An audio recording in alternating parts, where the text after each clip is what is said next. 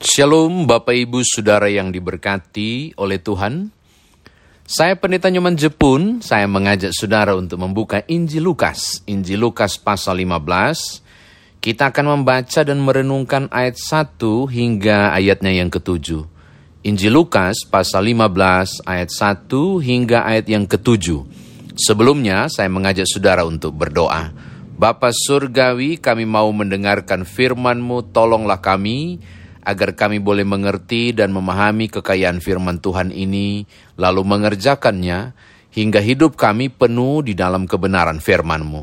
Demi Tuhan Yesus Juru Selamat kami berdoa. Amin. Injil Lukas pasal 15 ayat 1 hingga ayat yang ketujuh berbunyi demikian. Para pemungut cukai dan orang-orang berdosa biasanya datang kepada Yesus untuk mendengarkan dia. Maka Bersungut-sungutlah orang-orang Farisi dan ahli-ahli Taurat katanya. Ia menerima orang-orang berdosa dan makan bersama-sama dengan mereka. Lalu ia mengatakan perumpamaan ini kepada mereka. Siapakah di antara kamu yang mempunyai seratus ekor domba, dan jikalau ia kehilangan seekor di antaranya, tidak meninggalkan yang sembilan puluh sembilan ekor di padang gurun, dan pergi mencari yang sesat itu sampai ia menemukannya. Dan kalau ia telah menemukannya, ia meletakkannya di atas bahunya dengan gembira. Dan setibanya di rumah ia memanggil sahabat-sahabatnya dan tetangga-tetangganya serta berkata kepada mereka, Bersukacitalah bersama dengan aku, sebab dombaku yang hilang itu telah kutemukan. Aku berkata kepadamu, demikianlah juga akan ada sukacita di sorga karena satu orang berdosa yang bertobat lebih daripada sukacita, karena 99 orang benar yang tidak memerlukan pertobatan. Demikian firman Tuhan, saudara dan saya dikatakan berbahagia jika mendengarkan firman Tuhan ini merenungkannya, memberitakannya istimewa melakukan dalam hidup beriman. Bapak Ibu, saudara kekasih dalam Tuhan, saya percaya bahwa kisah ini sudah sering saudara dengar entah di Lukas pasal 15 atau Matius pasal 18. Dengan tema yang sama, kisah yang sama walaupun cara berceritanya berbeda. Tetapi yang saya mau katakan kepada saudara, umumnya orang sangat mengenal kisah ini. Tapi pertanyaannya, tahukah saudara mengapa perumpamaan ini muncul? Mengapa sampai Tuhan Yesus menceritakan perumpamaan domba yang hilang? Lukas, penulis Injil ini menjelaskan kalau Matius nggak jelasin, tapi penulis Injil Lukas menjelaskannya. Karena kecemburuan, ketidaksenangan, orang-orang Farisi dan ahli Taurat yang merasa paling benar, melihat Yesus kok mau ya bergaul dengan para pendosa. Jadi dugaan saya ketika dia bilang berdosa itu biasanya ada beberapa. Salah satunya pemungut cukai, para pelacur, orang-orang yang kemudian uh, dipandang hina di mata kaum klerus, mereka barangkali yang tidak pernah membawa sesuatu apa pun di bait Allah dan seterusnya. Orang-orang yang terpinggirkan, mereka yang per, yang yang pokoknya tidak dianggap benar. Sehingga Alkitab membedakannya dengan orang-orang berdosa. Saudara lihat, kenapa dia mau ke situ? Katanya rabi dan guru. Ngapain bergaul dengan orang-orang yang berdosa itu? Kenapa dia duduk makan dan minum dengan orang-orang berdosa? Tolong lihat ayat yang kedua. Ala, anta, karena alasan itulah, maka perumpamaan ini muncul. Oke, ini catatan yang pertama.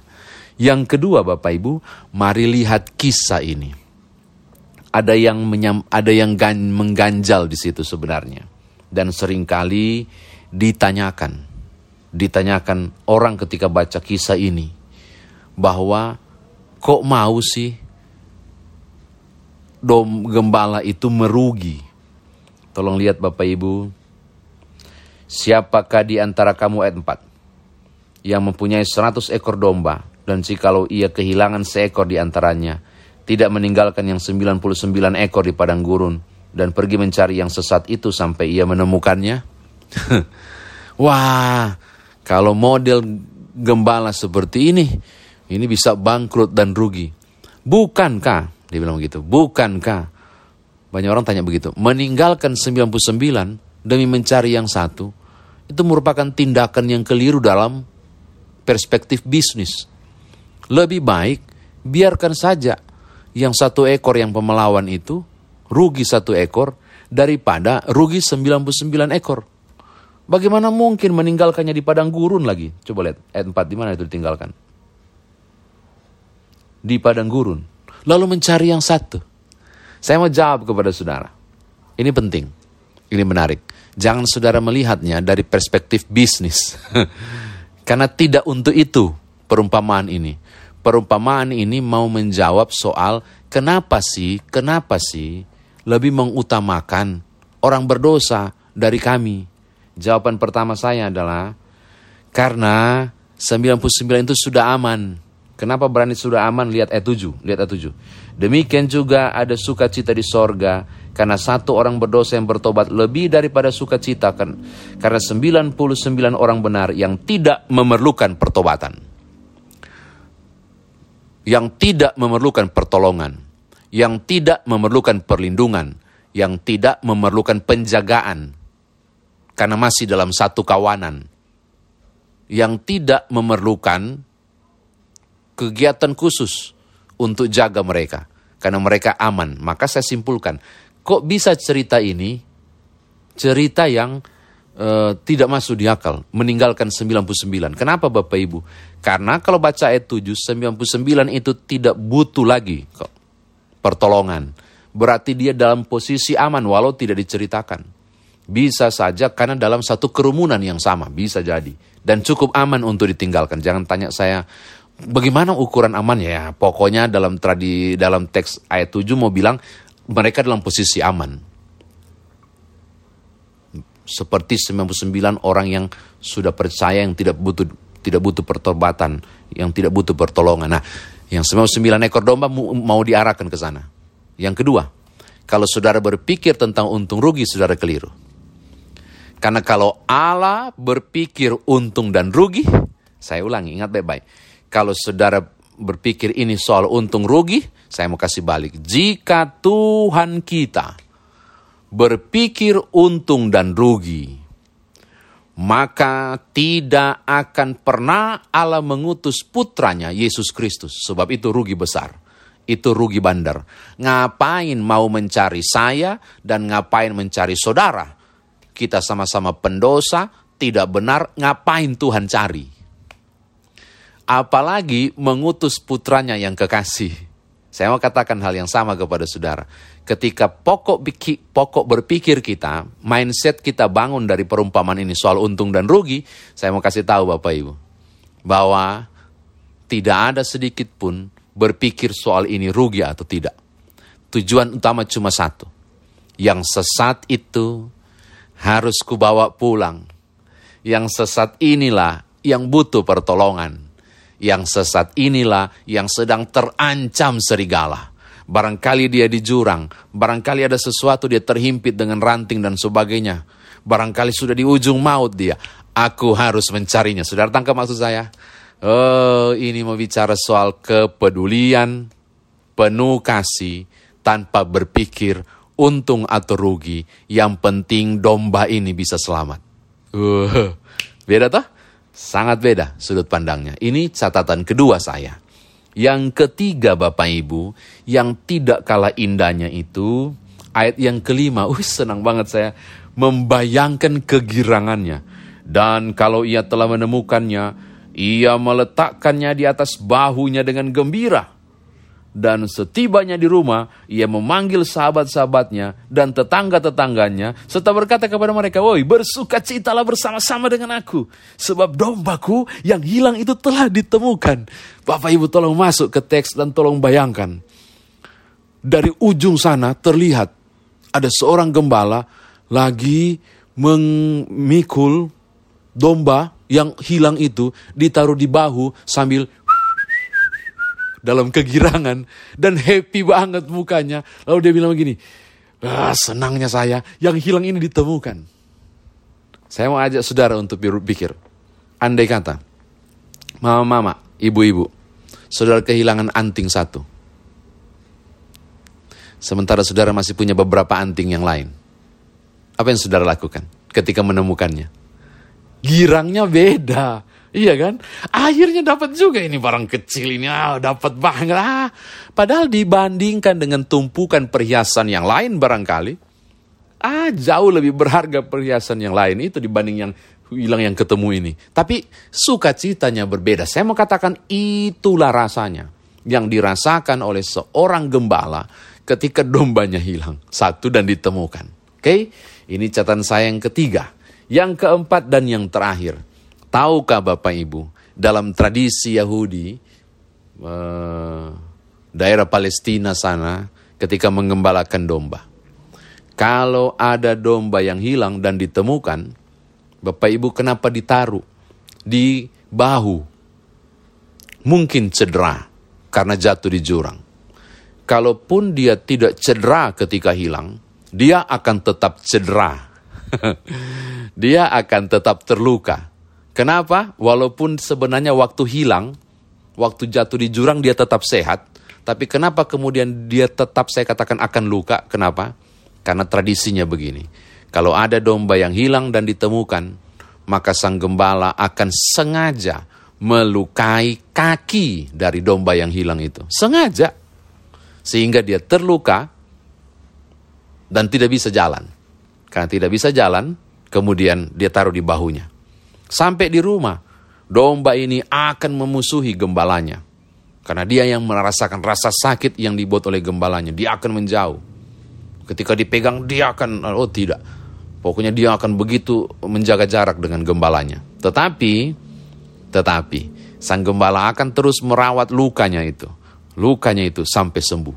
Dan tahukah saudara konon katanya ketika sudah sembuh dan kembali masuk dalam kerumunan yang sama, tahukah domba mana yang selalu nempel terus dekat sekali di kaki sang gembala? Domba yang dicederai itu, domba yang pernah hilang dan dilukai itu. Saudara tangkap maksud saya? Eh, dapat pelajaran penting dia. Dia dapat pelajaran penting dan dia tidak akan menjauh dari tuannya. Saya kira demikian firman Tuhan ditafsirkan bagi kita. Sekarang, bagaimana kita bawa dalam kehidupan beriman kita? Yang pertama, Bapak Ibu, tadi saya katakan, andai kata Tuhan berpikir untung dan rugi, eh, Bapak Ibu, tidak pernah Yesus Kristus, Putra Tunggal Allah, diutus. Nggak pernah dan tidak akan pernah diutus.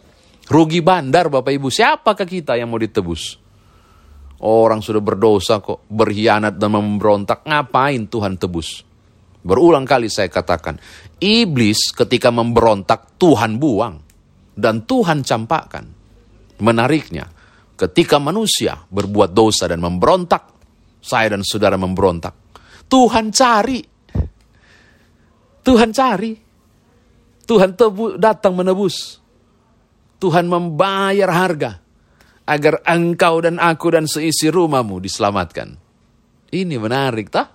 Ketika bicara soal keselamatan, Tuhan memang full sekali terjun tanpa berpikir untung dan rugi. Hari ini saya mau katakan kepada Bapak Ibu, betapa betapa hati Allah yang agung itu adalah gambaran dari domba, eh, dari gembala yang luar biasa yang mencari tiap orang. Dan bukankah tiap hari kita mau angkat syukur untuk itu toh? Wow, betapa aku dipandang berharga sampai Tuhan mau cari aku. Maka siapa pun saudara yang mendengarkan firman Tuhan ini, kalau ada di antara saudara yang merasa saudara bagian yang hilang itu, saya mau bilang balik. Baliklah kepada Bapamu. Baliklah dan temui hatinya yang berwelas asih yang akan mengubah saudara menjadi sesuatu yang baru. Dia mencari saudara, jangan keraskan hati. Datang ke Tuhan. Dia sedang mencari saudara. Dengar suaranya, biar engkau menemukan jalan pulang. Oh penting, siapa pun saudara, Tuhan mencari saudara. Ini yang pertama. Yang kedua Bapak Ibu, saya suka soal dipatahkan tadi, dicederai tadi. Oh, kadangkala, kadangkala, cemeti, cambukan bukan cara Tuhan membenci, tapi justru ekspresi Tuhan untuk mengasihi. Wahyu pasal 3 ayat 19 berkulang kali saya katakan, orang yang kukasihi, akan kutegor dan kuhajar. Ini kan luar biasa. Mau mengatakan begini kepada Bapak Ibu Saudara, apa pun, apa pun bentuknya, dicederai ini punya tujuan rupanya.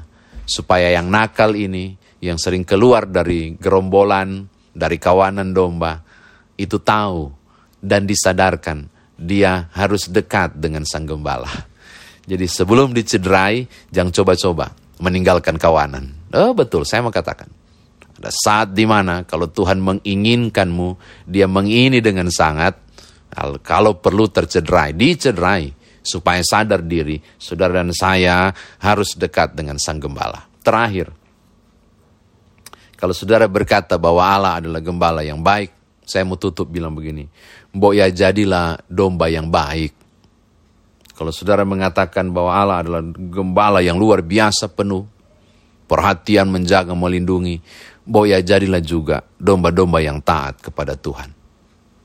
Tuhan berkati Bapak Ibu, karena selalu ada sukacita di sorga untuk orang yang hilang, yang kembali pulang dalam kemuliaan, yang kembali pulang dalam kesadaran, yang kembali pulang menemukan kebenaran. Tuhan berkati. Haleluya. Amin.